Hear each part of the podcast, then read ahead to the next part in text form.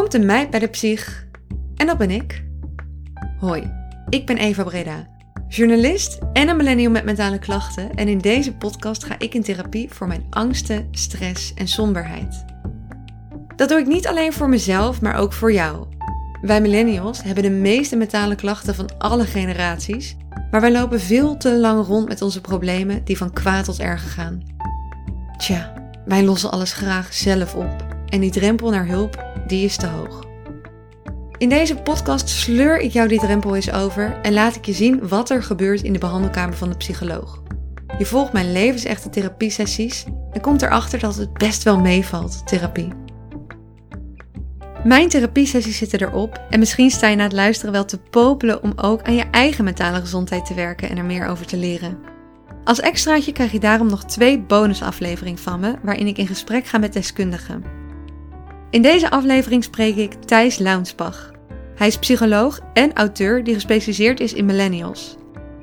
We bespreken hoe het toch kan dat die millennial zo vatbaar is voor mentale klachten en, belangrijker nog, wat je eraan kunt doen en hoe je het voorkomt.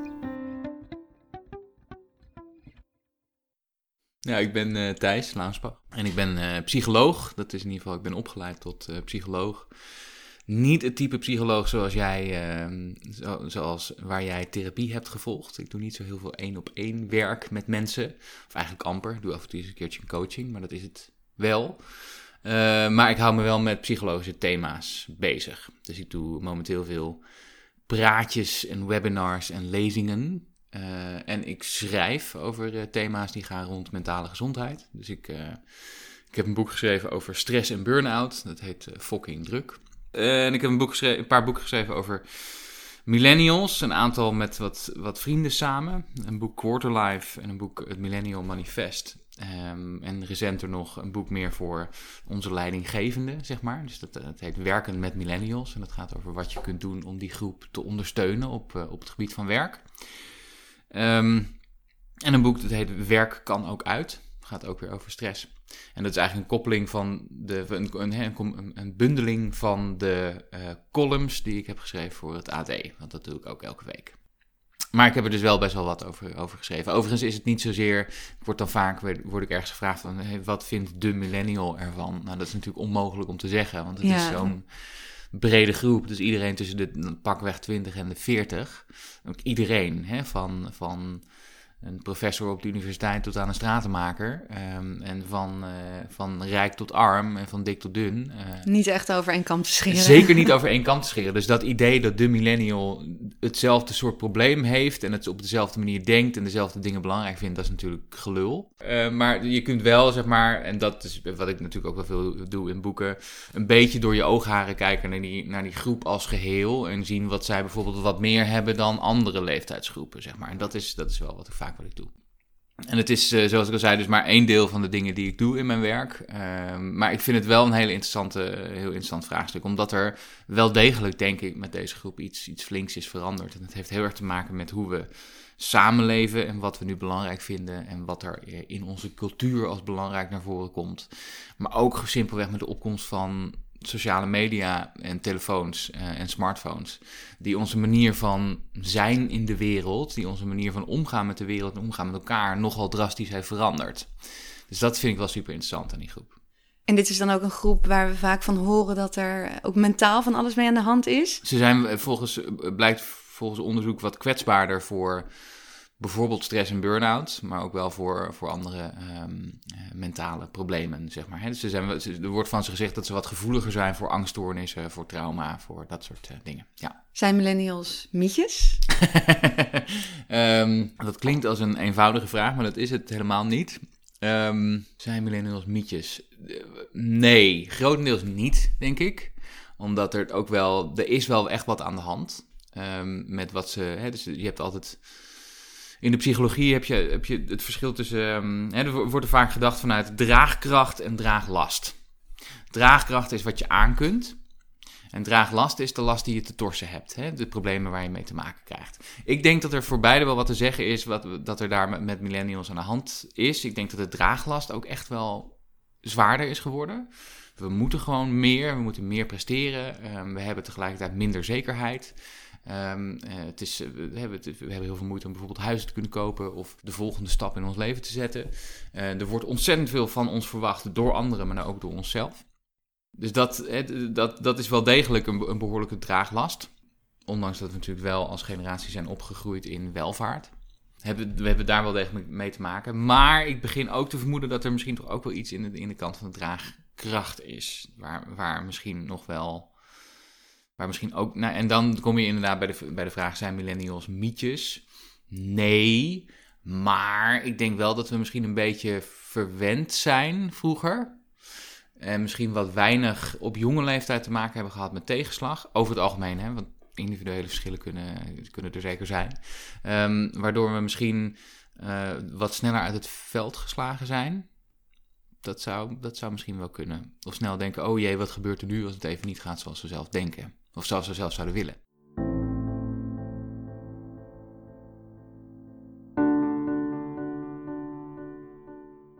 En eigenlijk is dus het feit dat millennials over het algemeen vaak hoger scoren op mentale problemen. Zeker in dat gebied van angststoornissen en uh, burn-out. Dus een soort van samenwerking tussen hoe millennials in het leven staan mhm. en de veranderende maatschappij om hun heen eigenlijk. Ja, dus of iemand een stoornis krijgt of niet, want daar hebben we het dan vaak over. Hè? Of iemand een mentaal probleem krijgt of niet, wordt over, en dat is onze best guess binnen de psychologie, wordt bepaald door en wat, we, wat we noemen het biopsychosociaal model. Ik hoop niet dat het te saai voor je wordt nu, maar um, dat hè, dus een, een samenspel van factoren van biologische aard, je genetische achtergrond, of je ziektes hebt, um, je, je, de kwaliteit van je voedsel tijdens het opgroeien, allemaal van dat soort biologische thema's psychologische thema's.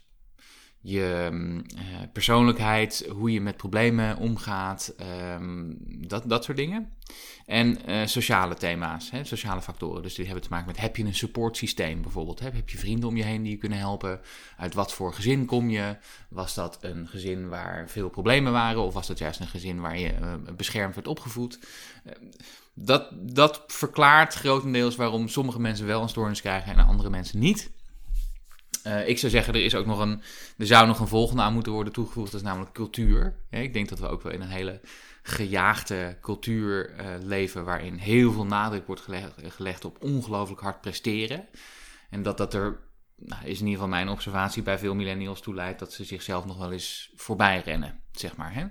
Uh, dus vandaar dat, je, dat ik denk dat je nogal wat burn-outs hebt. Er is dus een heel groot onderdeel waar je eigenlijk als millennial geen invloed op hebt. Wat je vroeger hebt gegeten, uh, wat voor gezin je hebt gehad. Ja. Daar kan je eigenlijk niks aan doen. Maar aan dat stukje van hoe je dus met de wereld nu omgaat, dat is het enige stukje waar je dus een beetje invloed kan hebben op ja, dat is best tragisch, want het gaat heel erg in tegen wat we, wat we geloven over het leven. Namelijk dat het maakbaar is, hè, dat je zelf volledig invloed hebt op hoe gelukkig en hoe succesvol je in de wereld bent. En dat is helaas maar voor een klein deel zo. Je bent geboren met een bepaald genenpakket, met een bepaalde achtergrond, ehm, met een bepaalde intelligentie en een bepaalde persoonlijkheid. Daar is eigenlijk niet superveel aan te veranderen. Um, Sterker nog, ik denk juist dat dat idee dat je volledig zelf in de hand hebt hoe je leven eruit ziet. En dat je dat volledig zelf moet kiezen. Um, en uh, dat, dat je zeg maar, als je succes hebt, dat je dat dan helemaal aan jezelf te danken hebt. Maar ook als je niet het succes hebt wat je zou willen, dat je het helemaal aan jezelf te wijten hebt. Hè? Dat je een loser bent omdat je niet genoeg je best hebt gedaan. Ik denk dat dat idee juist bijdraagt aan, het, uh, aan, aan de, gehaaste uh, generatie die we nu hebben. Een heleboel dingen liggen dus buiten onze macht, maar gelukkig is er ook een onderdeel waar we wel invloed op hebben. Wat kunnen we zelf doen om onze mentale gezondheid wat omhoog te krikken en mentale problemen voor te zijn? Nou, er zijn wel degelijk dus een aantal dingen die je kunt doen. Laat me een aantal dingen noemen. Uh, ik denk dat nu misschien nog wel belangrijker dan ooit is dat je een beetje goed voor jezelf kunt zorgen.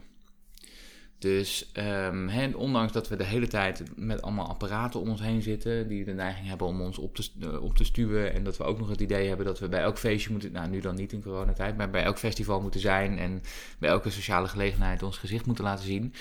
Um, al die dingen ten spijt is het, heb je gewoon een paar dingen nodig voor mentaal gezond zijn. Dat is um, uh, een goed slaappatroon, gezond slaappatroon, gezonde voeding. Ehm, regelmatig bewegen. regelmatig momenten van even van een scherm weg, hè, van je telefoon weg of van je computer weg. En wat, eh, wat tijd om iets anders te doen dan alleen maar dat denkwerk wat we doen. Hè, een beetje kunnen spelen of een beetje kunnen exploreren. Allemaal dingen, hele basale dingen die je nodig hebt voor mentale gezondheid. Bijna heel logisch eigenlijk. Bijna super logisch, maar we komen er eigenlijk nu pas achter binnen de psychologie hoe belangrijk dat is voor hoe je je voelt, zeg maar. Hè? Dus dat is één. Zorg dat je erachter komt wat je zelf belangrijk vindt daarin en dat je ook jezelf kunt geven wat je nodig hebt. En dat klinkt een beetje egoïstisch, hè? van nee, ik ga, ik ga nu uh, slapen, want dat is nodig. Um, maar ik zou zeggen, dat is helemaal niet zo egoïstisch, want dat is de enige manier waarop je ook van nut kunt zijn voor anderen. Op het moment dat je ook voor jezelf kunt zorgen. Niemand heeft er wat aan als jij jezelf helemaal voorbij loopt en in een burn-out terechtkomt en een half jaar niks meer kan, zeg maar. Dat is eigenlijk nog veel vervelender. Dus het is een verplichting toe, naar jezelf toe, maar ook naar, naar andere mensen om je heen. Uh, niet de verplichting die we zo vaak horen om de beste versie van jezelf te zijn, want dat hoeft zeker niet altijd. Maar wel de verplichting om enigszins goed voor jezelf te zorgen. Dus dat is zeker één. Um, verder denk ik dat heel erg belangrijk is wat je wel kunt doen, is uh, investeren in. Investeren in een aantal dingen, laat ik het zo zeggen. Eentje ervan is investeren in je eigen vaardigheden. Je kunt gewoon bijvoorbeeld door een opleiding uh, mindfulness te doen, kun je jezelf die vaardigheid aanleren. En daar heb je heel veel aan in termen van stress en in termen van hoofdrust. Je kunt um, jezelf uh, ontwikkelen op het gebied van allerlei soft skills die je nodig hebt. Dus hè, um, uh, een beetje snappen hoe je emoties werken, um, uh, goed kunnen communiceren naar anderen, grenzen stellen voor jezelf, onderhandelen. Al dat soort dingen. Een beetje goed kunnen plannen. Al dat soort dingen heb je, daar heb je superveel aan in termen van een rustiger en prettiger leven krijgen. En hoe investeer je in dat soort soft nou, skills? Door cursussen te doen, door zelf ook boeken te lezen, door hier met mensen over te praten, door mensen die dat heel goed kunnen te vragen: hey, hoe doe jij dat eigenlijk? Um, allemaal dingen die superveel kunnen helpen. Hè? Dus ja. investeer in die skills die je nodig hebt om een, een, een prettig uh, en mentaal gezond leven en succesvol leven te leiden, zeg maar. Uh, en tot slot investeer in de mensen om je heen. Uh, want ik denk dat dit ook wel een hele eenzame tijd is. Ondanks hè, dat er zit een heel, iets heel paradoxaals in, in het feit dat, dat iedereen in principe super dichtbij is. En dat je duizenden connecties hebt op je Instagram en weet ik wat allemaal. Maar dan nog, hè, we hebben het, het, echte contact dat we hebben met mensen, zoals wij nu zitten te praten, dat wordt eigenlijk een beetje zeldzaam. En iets anders is dat, dat we ook steeds minder onderdeel worden van gemeenschappen. Hè? Dus de, het aantal mensen dat uh, lid is van een politieke partij loopt terug, dat lid is van een vereniging, jongerencentra gaan dicht, uh, buurtcentra gaan dicht. Daar zijn we allemaal veel te druk voor. Daar zijn we allemaal veel te druk voor en veel te veel met, ons, met onszelf bezig en ik, ik, ik. En dat snap ik ook allemaal wel. Um, het punt is alleen, die mensen heb je gewoon keihard nodig. Als het een keertje niet zo goed gaat in je leven, dan heb je echt een supportsysteem nodig van je ouders en van je beste vrienden en van, hè, van die mensen die je kunnen helpen. Misschien dan wel je buren. Dus enerzijds wees egoïstisch en kijk naar wat jij nodig hebt. En anderzijds... Wees onderdeel van een gemeenschap. Ja, zoek ja. verbinding eigenlijk. Ja, zoek verbinding. Want die verbinding... Kijk, die, dat, dat zelf presteren en dat individuele... dat heb je heel erg nodig om succesvol te zijn, zeg ik, denk, ik, denk ik. En dat is ook best wel belangrijk nu. Uh, maar om gelukkig te zijn heb je ook echt andere mensen nodig. Heb je goede relaties nodig. Met, uh, met niet, en niet alleen met je, met je geliefde en met je kerngezin, maar ook met een bredere gemeenschap. Moet je onderdeel van iets zijn. Dat is waar wij mensen goed bij gedijen. En dat, dat vergeten we nog wel eens. En dat is heel jammer en ook heel erg vervelend, want dat betekent dat we ook wel een hele eenzame uh, op een hele eenzame manier leven momenteel. Dus ik zou zeggen, we leven in een, in een overhaaste wereld waar je snel jezelf over de kop werkt. En waarin er ook veel dingen op gericht zijn om, om het, steeds het allerbeste uit jezelf te halen en jezelf misschien een beetje te overschreeuwen of voorbij te lopen. Dus dat ligt best wel op de loer, uh, mentale problemen. Overigens, mentale problemen niet, zijn niet het einde van de wereld. Heb je ook gemerkt in je, uh, je, je. gaat hier heel bewust mee aan de slag. Je gaat niet dood aan een angststoornis. Het is wel heel vervelend. Het is super rot. En je wil er wel vanaf. Maar het is niet het einde van de wereld. Niks mis met een, met een mentaal probleem hebben. Dat is namelijk een heel groot deel van de, van de mensen loopt daar tegenaan. Krijgt daarmee te maken. Maar je wil het natuurlijk wel zoveel mogelijk voorkomen, idealiter. Um, en dat doe je dus volgens mij door je een beetje te wapenen tegen die overhaaste tijd. En de, de verdedigingslinies die je daarvoor hebt, of de beschermende factoren die je daarvoor hebt, zijn inderdaad je supportsysteem. Je eigen social skills. Um, je, je mentale gezondheid, dingen die je zelf doet om je, mentale gezondheid in stand te houden. En het feit dat je een beetje ook in die red race waar we allemaal zitten, daar ook een beetje met een beetje relativering tegenaan kunt kijken. Dat je denkt, ja, weet je, ik doe het allemaal wel, maar 30.000 volgers op Instagram is echt niet een, een, een perfect levensdoel. We, we spelen allemaal, je moet het spelletje meespelen, dat is allemaal wel prima. Maar laten we eerlijk zijn, het is niet het allerbelangrijkste in de wereld.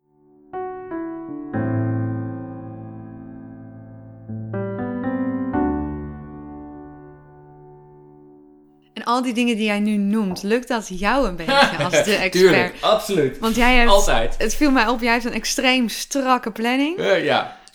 Lukt Ehm, dat dan om altijd die peace of mind een beetje te houden? Ja, ik denk in ze- in zekere zin ook wel dat dat me lukt, omdat ik een vrij strakke planning heb.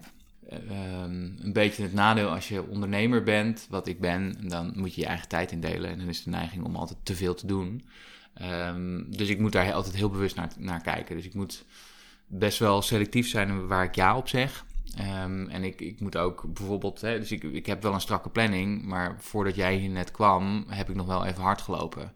Dus in mijn, in mijn strakke planning zit ook sport bijvoorbeeld. Hè? Want ik weet als ik dat niet doe, dan word ik ongelukkig. Ja, Ehm, je plant ook die, die rustmomentjes in waar je in het begin over had. Ja. Gezond eten, veel bewegen. Eigenlijk moet je dat bijna in je dag inplannen.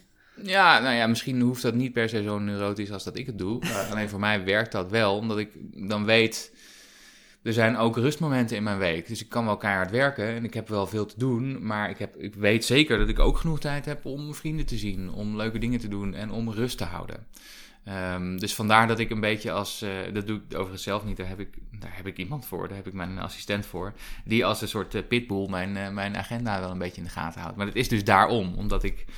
De enige manier waarop ik goed functioneer is als ik het zo inplan dat er ook genoeg tijd is voor de dingen die ik, eh, waar ik juist energie van krijg. Natuurlijk heb ik hier ook altijd, dit is voor mij ook een struggle. En dit kan, je, dit kan je niet helemaal perfect doen. En sterker nog, zelfs als je dit wel helemaal goed doet, dan, dan nog heb je roldagen en baaldagen. Dus ook dat hoort erbij. Ehm, maar nee, niemands leven is wat betreft mentale gezondheid perfect. En die van mij ook niet. Maar ik, ik weet wel waar ik moet inzetten.